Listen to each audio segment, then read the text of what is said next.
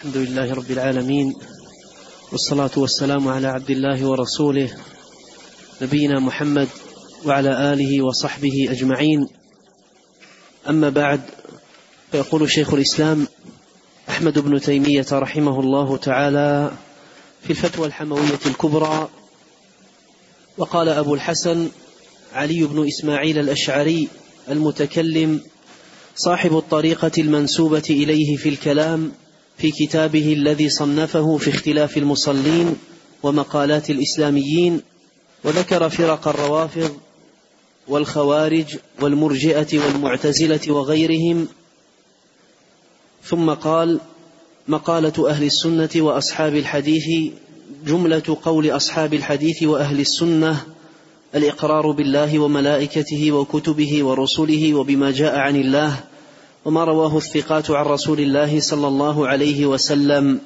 لا يردون شيئا من ذلك وأن الله واحد أحد فرد صمد لا إله غيره لم يتخذ صاحبة ولا ولدا وأن محمدا عبده ورسوله وأن الجنة حق وأن النار حق وأن الساعة آتية لا ريب فيها وأن الله يبعث من في القبور وأن الله على عرشه كما قال تعالى الرحمن على العرش استوى وأن له يدين بلا كيف كما قال تعالى خلقت بيدي وكما قال تعالى بل يداه مبسوطتان وأن له عينين بلا كيف كما قال تعالى تجري بأعيننا وأن له وجها كما قال تعالى ويبقى وجه ربك ذو الجلال والإكرام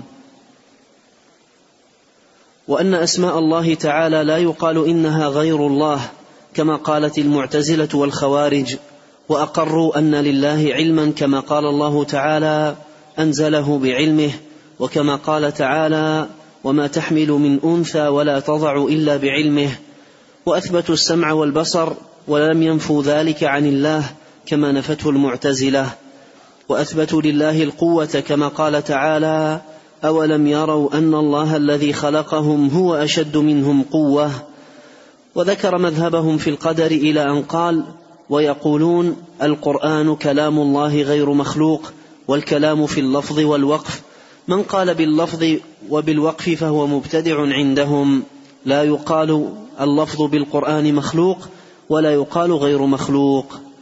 ويقرون أن الله يرى بالأبصار يوم القيامة. كما يرى القمر ليلة البدر. يراه المؤمنون لا يراه الكافرون. لأنهم عن الله محجوبون كما قال تعالى قال عز وجل كلا إنهم عن ربهم يومئذ لمحجوبون.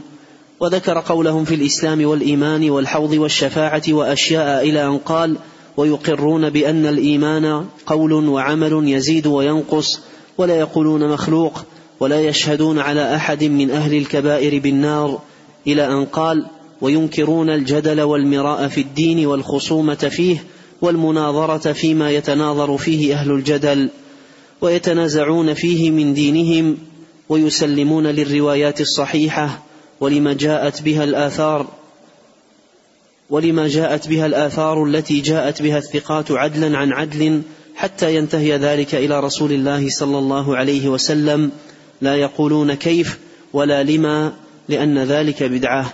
إلى أن قال ويقرون أن الله يجيء يوم القيامة كما قال تعالى وجاء ربك والملك صفا صفا وأن الله يقرب من خلقه كيف يشاء كما قال تعالى ونحن أقرب إليه من حبل الوريد. إلى أن قال ويرون مجانبة كل داع إلى بدعة والتشاو إلى كل داع إلى بدعة والتشاغل بقراءة القرآن وكتابة الآثار والنظر في الفقه.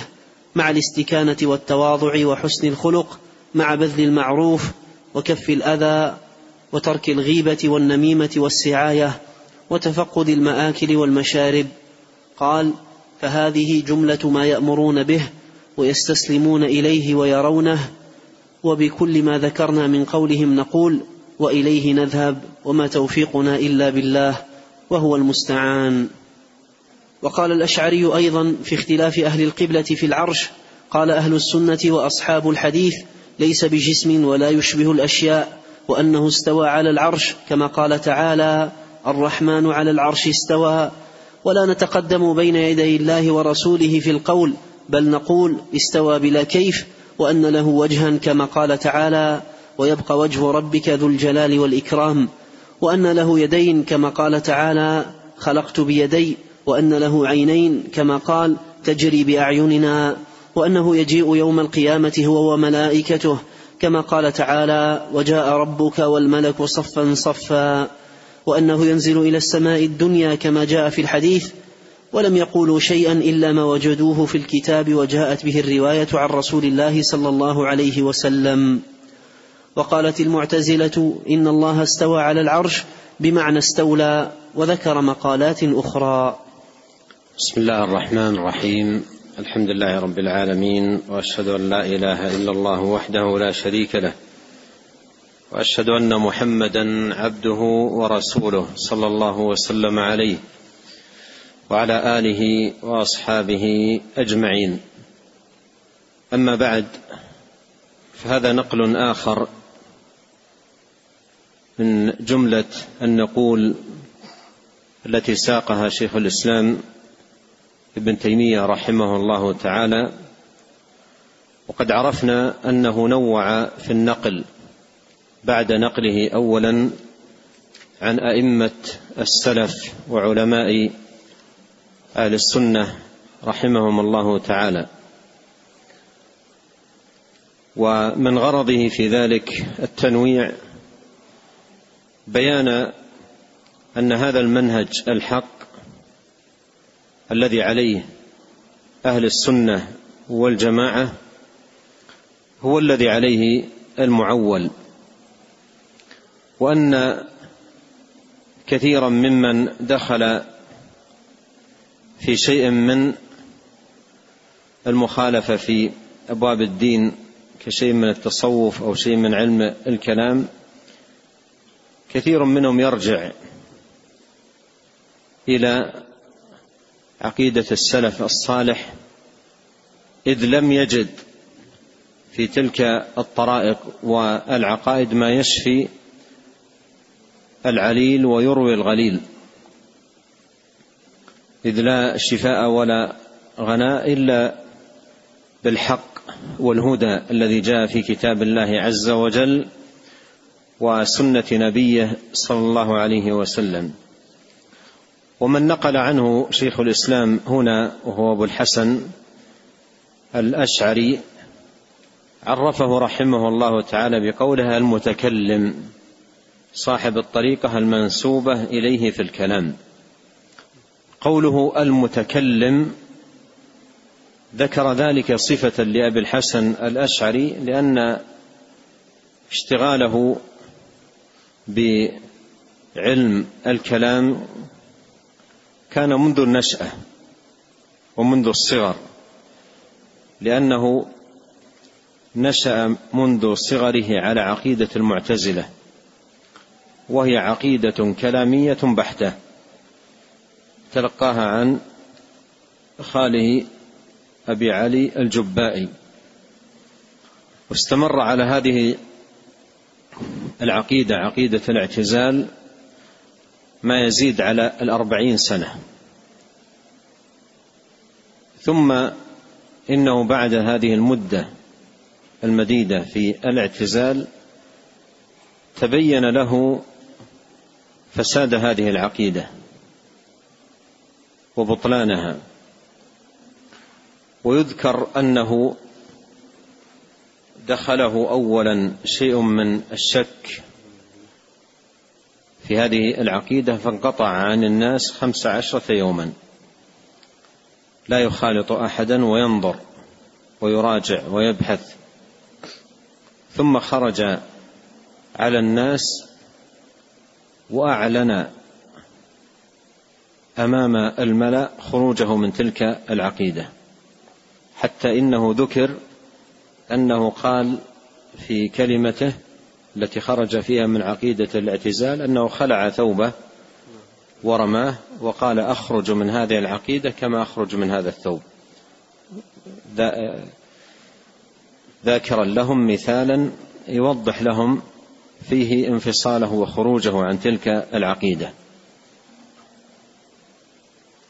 ولما خرج من عقيدة علم الكلام دخل في عقيدة ابن كلاب وهي عقيدة نشأت بزعم من أنشأها للتوسط بين أهل السنة وأهل الاعتزال. فدخلوا في شيء من الباطل والمفارقة لأهل السنة والجماعة. وفي هذه المرحلة ألف كتابه اللمع وهو موافق لما عليه ابن كلاب. ثم انتقل بعد ذلك إلى مرحلة ثالثة وهي التي ينقل عنه شيخ الإسلام بن تيمية رحمه الله تعالى هذه النقول في تلك المرحلة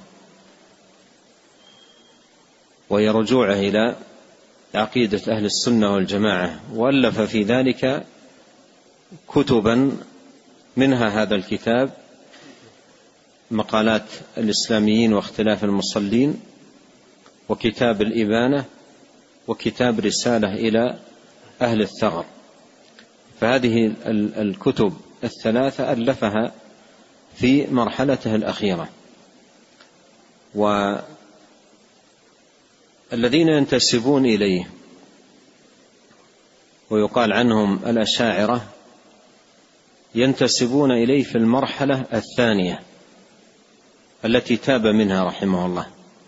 ينتسبون إليه في المرحلة الثانية لأنه تاب مرتين مرة من عقيدة الاعتزال ومرة من عقيدة ابن كلاب وانتهى به المطاف إلى عقيدة أهل السنة والجماعة. وألف فيها هذه الكتب الثلاثة الإبانة ومقالات الإسلاميين ورسالة إلى أهل الثغر حتى إنه صرح في بعض هذه الرسائل الثلاث كما سيأتي لما ذكر عقيدة أهل السنة أهل الحديث وعقيدة الإمام أحمد بن حنبل رحمه الله. قالها واضحة صريحة قال وبكل ما يقول به الإمام أحمد بن حنبل نقول وذكر أنه إنما يرتضي عقيدة السلف التي عليها الإمام أحمد وعليها أئمة السلف رحمهم الله تعالى. وكتبه الثلاثة التي ألفها في مرحلته الأخيرة وهي رسالة إلى أهل الثغر والإبانة عن أصول الديانة ومقالات الإسلاميين. ذكر فيها عقيدة أهل السنة والجماعة وذكر أنه يقول بها ويعتقدها. وقد يوجد في هذه الرسائل بعض الألفاظ بعض الألفاظ التي هي ليست من ألفاظ السلف ولا من عباراتهم وهذا ليس بغريب لأن الرجل أمضى عمرا طويلا في علم الكلام لم ينشأ من أصله على مدرسة أهل السنة أهل الحديث فمع التوبة قد تبقى كلمات هي من الرواسب. من الرواسب رواسب ما سبق في حياته الطويلة. مثل الآن لو أن شخصا نشأ حياته كلها على التصوف ثم تاب بعد أربعين خمسين سنة تجد أنه إذا تحدث لابد أن تأتي بعض العبارات التي ما مضى عليها هذا العمر الطويل من حياته. لكن أصوله رجع فيها إلى أصول وعقيدة أهل السنة والجماعة.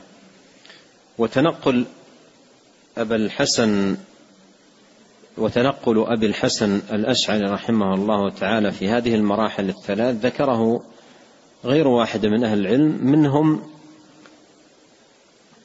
الحافظ بن كثير رحمه الله في كتابه طبقات الشافعية عندما ترجم لأبي الحسن الأشعري ذكر تقلبه في هذه المراحل الثلاث بدءا بالاعتزال وانتهاء بعقيدة أهل السنة والجماعة. وكتاب مقالات الإسلاميين واختلاف المصلين كتاب في الفرق والمقالات. يذكر فيه مقالات الفرق مثل ما أشار شيخ الإسلام ذكر الروافض والخوارج والمرجئة والمعتزلة. وكل فرقة من هذه الفرق يوضح ماذا يعتقدون وما هو قولهم. ثم قال مقالة أهل السنة وأصحاب الحديث جملة. مقالة أهل السنة وأصحاب الحديث جملة. وذكر معتقد أهل السنة والجماعة بدأ ذلك بإيمانهم بأصول الإيمان. كل آمن بالله وملائكته وكتبه ورسله. لا نفرق بين أحد من رسله وقالوا سمعنا وأطعنا غفرانك ربنا وإليك المصير. وذكر إيمانهم بصفات الله سبحانه وتعالى وتفرده وأنه المعبود بحق ولا معبود بحق سواه وتنزهه جل وعلا عما لا يليق به وما يتنافى مع كماله كما قال لم يتخذ صاحبة ولا ولدا وذكر ما يتعلق بالإيمان بمحمد عليه الصلاة والسلام إنه عبد الله ورسوله وأن الجنة حق والنار حق وأن الساعة آتية لا ريب فيها. ثم ذكر ما يتعلق بصفات الله عز وجل وإثباتها لله عز وجل فذكر اليدين والعينين والوجه وأنها تثبت لله عز وجل بلا كيف أي بلا كيف نعلمه. فقوله بلا كيف نظير قول السلف وقد تقدم معنا أمروها كما جاءت بلا كيف.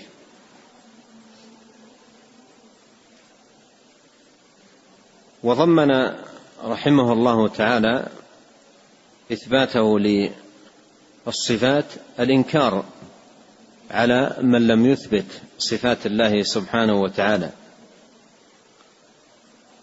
وذكر العقيدة في القرآن وأنه كلام الله سبحانه وتعالى وأنه غير مخلوق. وحذر من طريقة اللفظية والواقفة.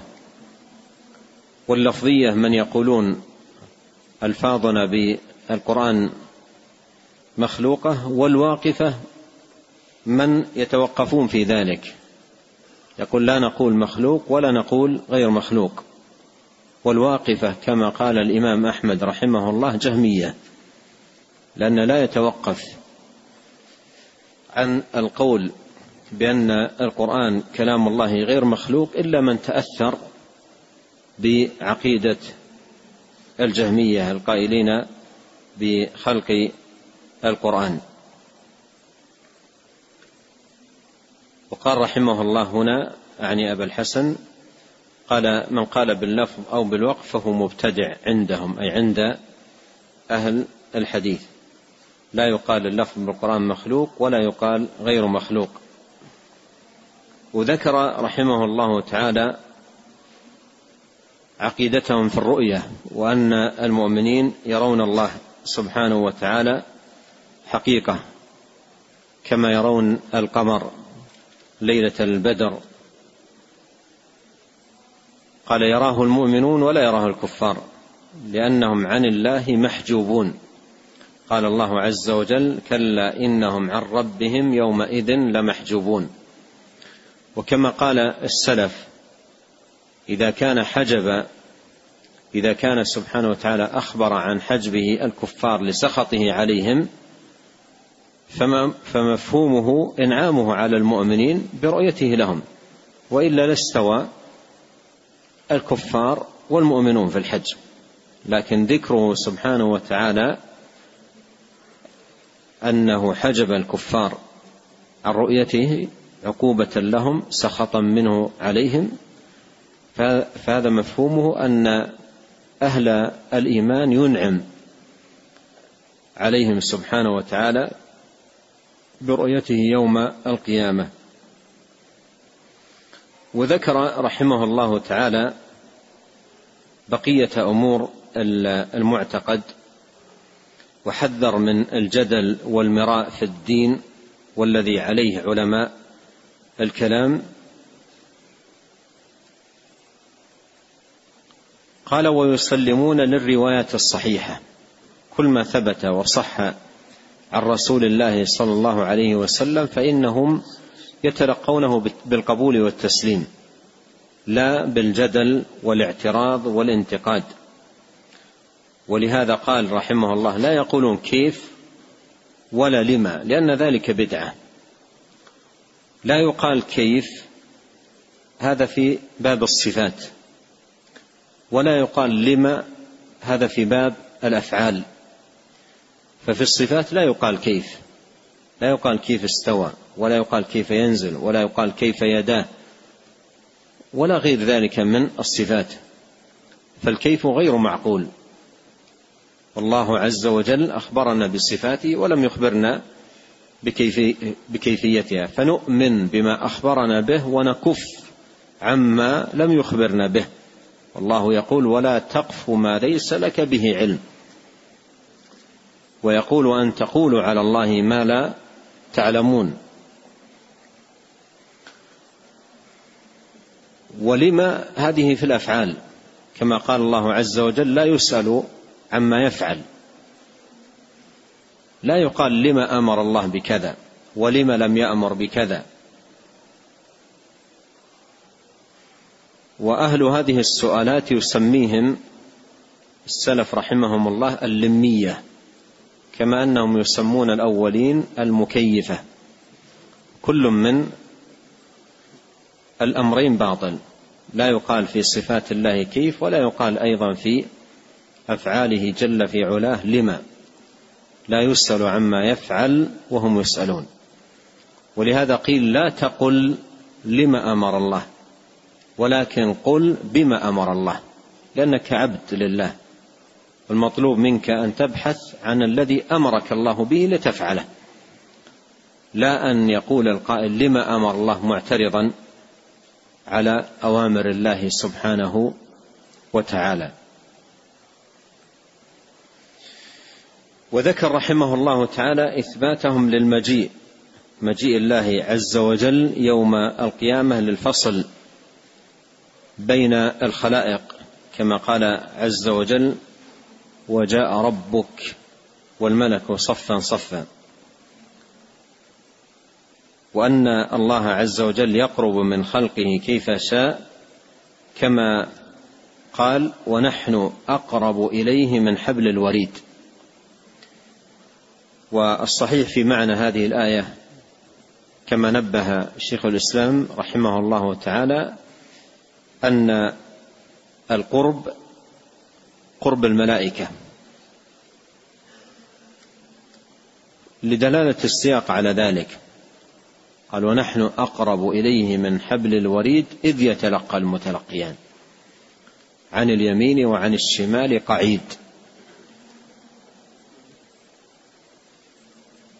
وما يكون من ملائكته بأمره يضيفه جل وعلا إلى نفسه وإذا قرأناه فاتبع قرآنه أي قرأه عليك جبريل. ولهذا نظائر كثيرة في القرآن.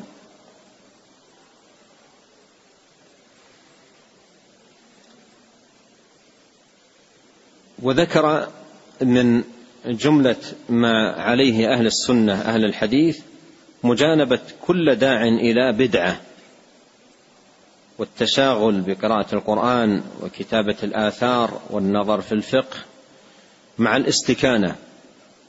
والتواضع أي لله عز وجل وحسن الخلق في التعامل مع عباد الله مع بعد مع بذل المعروف وكف الأذى وترك الغيبة والنميمة والسعاية. السعاية يراد بها السعاية في الناس بالفتنة والشر وإيقاع الخصومة بينهم وتفقد المآكل والمشارب. كما قال بعض السلف من فقه الرجل مأكله ومشربه وممشاه قال فهذه جملة ما يأمرون به ويستسلمون إليه ويرونه وبكل ما ذكرنا من قولهم نقول وإليه نذهب. وما توفيقنا إلا بالله. انتبه لهذه الكلمة التي يعلم فيها رحمه الله عقيدته وهي المرحلة الأخيرة المرحلة الثالثة. مرحلة انتقاله إلى عقيدة أهل الحديث. قال وبكل ما ذكرنا من قولهم نقول وإليه نذهب. وما توفيقنا إلا بالله.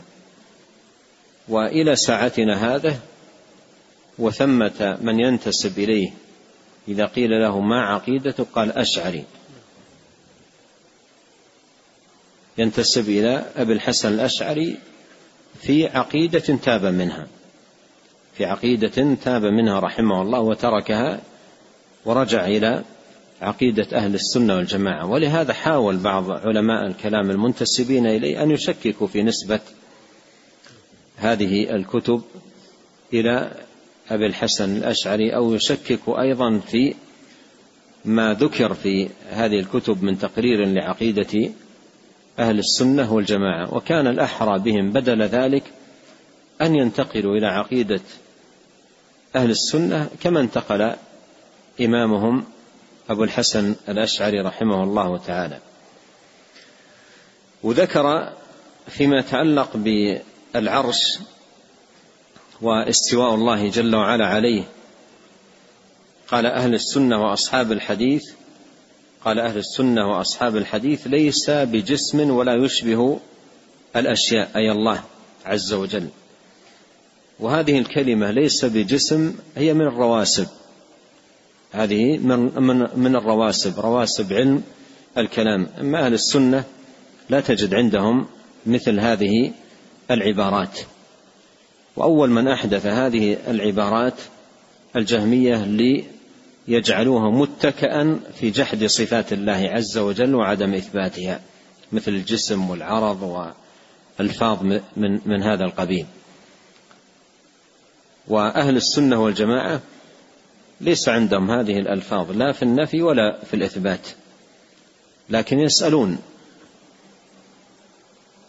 من يقول هل الله بجسم أو ليس بجسم يسألونه ماذا تريد في ذلك؟ إن كنت تريد أن لله يد وسمع وبصر ووجه تليق بجلاله وكماله وعظمته فهذه ثابتة لله ولا نسميها جسما. وإن كنت تريد بذلك أي بهذه اللفظة أي هذه الأجسام المخلوقة فالله ليس كمثله شيء. ليس كمثله شيء. هل تعلم له سميا؟ فذكر رحمه الله هنا إثباتهم علو الله على العرش وأنه استوى على العرش كما قال تعالى الرحمن على العرش استوى ولا نتقدم بين يدي الله ورسوله في القول بل نقول استوى بلا كيف وهذا تحذير من الطريقة التي عليها علماء الكلام وهي الطريقة التي كان عليها هو أولا آه، بأن يقال استوى بمعنى استولى. وهذا من التقدم الذي يقول عنه رحمه الله ولا نتقدم بين يدي الله ورسوله وقد قال الله تعالى يا أيها الذين آمنوا لا تقدموا بين يدي الله ورسوله واتقوا الله ومعنى لا تقدموا بين يدي الله ورسوله أي لا تقولوا حتى يقول ولا تفعلوا حتى يأمر. بمعنى أن تكونوا في العقائد والأعمال سائرين وفق ما جاء عن الله وعن رسوله عليه الصلاة والسلام. فلا يقول في المعتقد شيئا لم يأتي عن الله ولا عن رسوله صلى الله عليه وسلم ولا يفعل أيضا في باب العبادات والتقرب شيئا لم يأتي عن الله ولا عن رسوله صلوات الله وسلامه وبركاته عليه. وانظر كلامه الجميل في وصف العقيدة أهل السنة حيث يقول ولم يقولوا شيئا إلا ما وجدوه في الكتاب وجاءت به الرواية. ولم يقولوا شيئا. هذا كلام عظيم في وصفه رحمه الله لعقيدة أهل الحديث التي قال قبل قليل أن بكل ما يقولون يقول. قال ولم يقولوا شيئا. ولم يقولوا شيئا. شيئا نكرة في سياق النفي تفيد العموم أي شيء في أمور الدين. لم يقولوا شيئا إلا ما وجدوه في الكتاب وجاءت به الرواية عن رسول الله صلى الله عليه وسلم. مثل ما تقدم معنا قول الإمام أحمد رحمه الله نصف الله بما وصفه بما وصف به نفسه وبما وصفه به رسوله صلى الله عليه وسلم لا نتجاوز القرآن والحديث. قال وقالت المعتزلة إن الله استوى على العرش بمعنى استولى ذكر ذلك داما لهذه العقيدة. ومن ينتسبون إليه؟ عقيدتهم في الاستواء هي هذه التي ذمها رحمه الله تعالى ونسبها لأهل الاعتزال. نعم. قال رحمه الله تعالى وقال أيضا أبو الحسن, أبو الحسن الأشعري في كتابه الذي سماه الإبانة في أصول الديانة وقد ذكر أصحابه أنه آخر كتاب صنفه وعليه يعتمدون في الذب عنه عند من يطعن عليه. فقال فصل في إبانة قول أهل الحق والسنة. فإن قال قائل قد أنكرتم قول المعتزلة والقدرية والجهمية والحرورية والرافضة والمرجئة فعرفونا قولكم الذي به تقولون وديانتكم التي بها تدينون. قيل قيل له قولنا الذي نقول به وديانتنا التي ندين بها التمسك بكلام ربنا وسنة نبينا وما روي عن الصحابة والتابعين وأئمة الحديث ونحن بذلك معتصمون. وبما كان يقول أبو عبد الله أحمد بن حنبل نضر الله وجهه ورفع درجته وأجزل مثوبته قائلون. ولما خالف قوله مخالفون لأنه الإمام الفاضل والرئيس الكامل الذي أبان الله به الحق ودفع به الضلالة وأوضح به المنهاج وقمع به بدع المبتدعين وزيغ الزائغين وشك الشاكين فرحمة الله عليه من إمام مقدم وجليل معظم وكبير مفهم. وجملة قولنا أن نقر بالله وملائكته وكتبه ورسله وبما جاءوا به من عند الله وبما رواه الثقات عن رسول الله صلى الله عليه وسلم. لا نرد من ذلك شيئا شيئا وأن الله واحد لا إله إلا هو فرد صمد لم يتخذ صاحبة ولا ولدا وأن محمدا عبده ورسوله أرسله بالهدى ودين الحق وأن الجنة حق وأن النار حق وأن الساعة آتية لا ريب فيها وأن الله يبعث من في القبور وأن الله مستو على عرشه كما قال تعالى الرحمن على العرش استوى وأن له وجها كما قال تعالى ويبقى وجه ربك ذو الجلال والإكرام وأن له يدين بلا كيف كما قال تعالى خلقت بيدي وكما قال تعالى بل يداه مبسوطتان ينفق كيف يشاء وأن له عينين بلا كيف كما قال تجري بأعيننا وأن من زعم أن أسماء الله غيره كان ضالا وذكر نحوا مما ذكر في الفرق إلى أن قال ونقول إن الإسلام أوسع من الإيمان وليس كل إسلام إيمانا. وندين بأن الله يقلب القلوب بين إصبعين من أصابع الله عز وجل وأنه عز وجل يضع السماوات على إصبع والارضين على إصبع كما جاءت الرواية عن رسول الله صلى الله عليه وسلم. إلى أن قال والإيمان قول وعمل يزيد وينقص. ونسلم الروايات الصحيحة عن رسول الله صلى الله عليه وسلم التي رواها الثقات عدلا عن عدل حتى ينتهي إلى رسول الله صلى الله عليه وسلم. إلى أن قال ونصدق بجميع الروايات التي يثبتها أهل النقل من النزول إلى السماء الدنيا وأن الرب عز وجل يقول هل من سائل هل من مستغفر وسائر ما نقلوه وأثبتوه خلافا لما قال أهل الزيغ والتضليل ونعول فيما اختلفنا فيه على كتاب ربنا وسنة نبينا وإجماع المسلمين وما كان في معناه ولا نبتدع في دين الله ما لم يأذن لنا به ولا ن... ما لم يؤذن لنا به ولا نقول على الله ما لا نعلم ونقول إن الله يجيء يوم القيامة كما قال تعالى وجاء ربك والملك صفا صفا وأن الله يقرب من عباده كيف شاء كما قال تعالى ونحن أقرب إليه من حبل الوريد وكما قال ثم دنا فتدلى فكان قاب قوسين أو أدنى إلى أن قال وسنحتج لما ذكرناه من قولنا وما بقي مما لم نذكره بابا بابا. ثم تكلم على أن الله يرى واستدل على ذلك ثم تكلم على أن القرآن غير مخلوق واستدل على ذلك ثم تكلم على من وقف في القرآن وقال لا أقول إنه مخلوق ولا غير مخلوق ورد عليه ثم قال باب في ذكر الاستواء على العرش.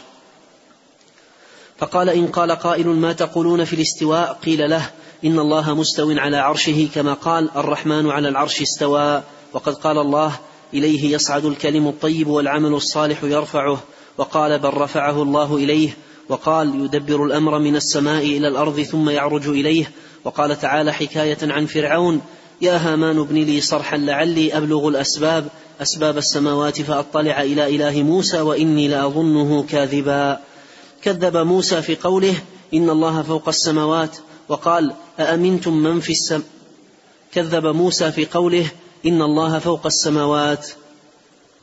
وقال تعالى أأمنتم من في السماء أن يخسف بكم الأرض فالسماوات فوقها العرش فلما كان العرش فوق السماوات قال أأمنتم من في السماء لأنه مستو على العرش لأنه مستو على العرش الذي فوق السماوات فكل ما علا فهو سماء فالعرش أعلى السماوات. وليس إذا قال أأمنتم من في السماء يعني جميع السماء وإنما أراد العرش الذي هو أعلى السماوات. ألا ترى أن الله عز وجل ذكر السماوات فقال وجعل القمر فيهن نورا. فلم يرد أن القمر يملأهن وأنه فيهن جميعا. ورأينا المسلمين جميعا يرفعون أيديهم إذا دعوا نحو السماء لأن الله على العرش الذي فوق السماوات. فلولا أن الله على العرش لم يرفعوا أيديهم نحو العرش كما لا يحطونها إذا دعوا إذا إذا دعوا إذا دعوا إلى الأرض. ثم قال فصل وقد قال قائلون من المعتزلة والجهمية والحرورية إن معنى قوله تعالى الرحمن على العرش استوى أنه استولى وملك وقهر. وأن الله عز وجل في كل مكان وجحدوا أن يكون الله على عرشه كما قال أهل الحق وذهبوا في الاستواء إلى القدرة. فلو كان كما ذكروه كان لا فرق بين العرش والأرض السابعة لأن الله قادر على كل شيء. هذا الذي يذكره رحمه الله هنا هو ما كان عليه قبل وإليه ينتسب فيه آه، الأشاعرة. وكل ذلك ترك رحمه الله تعالى ورد عليه بهذه الردود القوية المتنوعة من دلالة الكتاب ودلالة السنة ودلالة الفطرة ودلالة العقل. نعم. لأن الله لأن الله قادر على كل شيء والأرض فالله قادر عليها وعلى الحشوش وعلى كل ما في العالم. فلو كان مستويا على العرش بمعنى الاستيلاء وهو عز وجل مستول على الأشياء كلها لكان مستويا على العرش وعلى الأرض وعلى السماء وعلى الحشوش والأقدار لأنه قادر على الأشياء مستول عليها وإذا كان قادرا على الأشياء كلها ولم يجز عند أحد من المسلمين إن يقول إن الله مستو على الحشوش والأخلية لم يجز أن يكون الاستواء على العرش بمعنى الاستيلاء. الذي هو عام في الأشياء كلها ووجب أن يكون المعنى الاستواء يخص العرش دون الأشياء كلها. ووجب أن يكون معنى الاستواء. ووجب أن يكون معنى الاستواء يخص العرش دون الأشياء كلها وذكر دلالات من القرآن والحديث والإجماع والعقل. ثم قال باب الكلام في الوجه والعينين والبصر واليدين وذكر الآيات في ذلك ورد على المتأولين بكلام طويل لا يتسع هذا الموضع لحكايته مثل قوله فإن سئلنا أتقولون لله يدان؟ قيل نقول ذلك. وقد دل عليه قوله تعالى يد الله فوق أيديهم. وقوله تعالى لما خلقت بيدي؟ وروي عن النبي صلى الله عليه وسلم أنه قال إن الله مسح ظهر آدم بيده فاستخرج منه ذريته. وقد جاء في الخبر المأثور عن النبي صلى الله عليه وسلم إن الله خلق آدم بيده وخلق جنة عدن بيده وكتب التوراة بيده وغرس شجرة طوبى بيده. وليس يجوز في لسان العرب ولا في عادة أهل الخطاب أن يقول القائل عملت كذا بيدي ويريد, أن ويريد به النعمة وإذا كان الله إنما خاطب العرب بلغتها وما يجري مفهوما من كلامها ومعقولا في خطابها وكان لا يجوز في خطاب أهل اللسان أن يقول القائل فعلت بيدي ويعني به النعمة. بطل أن يكون معنى قوله تعالى بيدي النعمة. وذكر كلاما طويلا في تقرير هذا ونحوه. وهذا النقل مطول نقله رحمه الله تعالى عن كتاب أبي الحسن الأشعري الإبانة في أصول الديانة. وقد ذكر أصحابه أنه آخر كتاب صنفه. أنه آخر كتاب صنفه. فهذا فيه أن هذا الكتاب مشتمل على المرحلة الأخيرة وهي المرحلة الثالثة في تقلبات أبي الحسن الأشعري رحمه الله تعالى. ولما ذكر عقائد الفرق الجهمية والحرورية والروافض والمرجئة وغيرهم قال فإن قيل عرفونا بقولكم الذي به تقولون وديانتكم التي بها تدينون. يعني بعد عرض هذه المقالات والأقوال للفرق فما هي عقيدتكم؟ فقال رحمه الله قولنا الذي نقول به وديانتنا التي ندين بها التمسك بكلام ربنا وسنة نبينا صلى الله عليه وسلم وما روي عن الصحابة والتابعين وأئمة الحديث.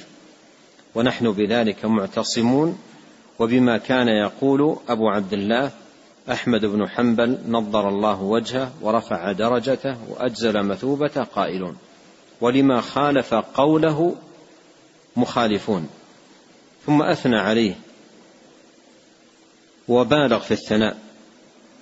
يعني حتى إن قوله مثلا الرئيس الكامل يعني مثل هذا هذا في مبالغة في الثناء.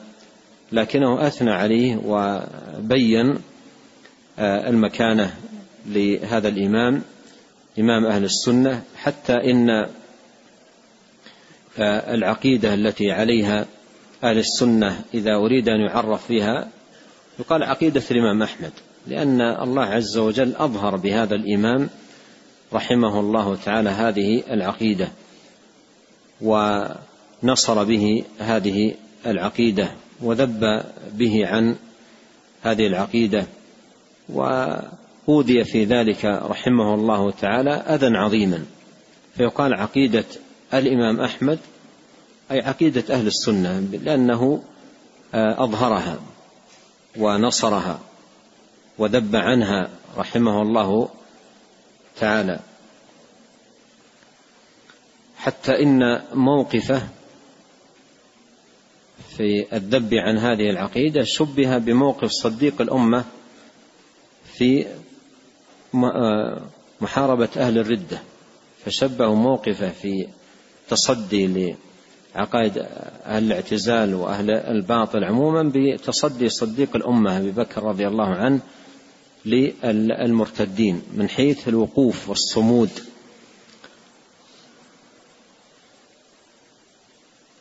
ثم ذكر رحمه الله تعالى تفاصيل للمعتقد وذكر أنه بكل ذلك يقول وأنكر على من خالف هذه العقيدة من علماء الكلام. وشيخ الإسلام بن تيمية رحمه الله اختصر من كتابه ما يحصل به الغرض والمقصود من هذا الكتاب. ومقصود النقل كما عرفنا إظهار وبيان أن عقيدة السلف التي هي إمرار النصوص كما جاءت والإتيان بها كما وردت هو الحق. وعليه المعول. وكثير ممن دخل في عقائد أخرى من عقائد المتكلمين انتهى به المطاف إلى الرجوع إلى هذه العقيدة التي عليها أئمة السلف رحمهم الله تعالى. وما يزال رحمه الله يستطرد في إيراد النقول وأيضا لو وقفنا مع هذه العبارات التي ساقها آه، ربما يطول المقام وليس هو من غرض أيضا آه، هذا الكتاب وإنما الغرض من هذه أن نقول أن يعرف جملة أن المعتقد الذي عليه أهل السنة من إمرار النصوص كما جاءت وإثباتها كما وردت هو الحق هو الذي عليه المعول لا ما عليه علماء أهل الكلام الباطل. ونسأل الله الكريم لنا أجمعين التوفيق لكل خير والمعونة على طاعته وأن يمن علينا بالعلم النافع والعمل الصالح. وأن يهدينا إليه صراطا مستقيما وأن يصلح لنا شأننا كله وأن لا يكلنا إلى أنفسنا طرفة عين وأن يغفر لنا ولوالدينا ولمشايخنا وللمسلمين والمسلمات والمؤمنين والمؤمنات الأحياء منهم والأموات. سبحانك اللهم وبحمدك أشهد أن لا إله إلا أنت أستغفرك وأتوب إليك. اللهم صل وسلم على عبدك ورسولك نبينا محمد وآله وصحبه.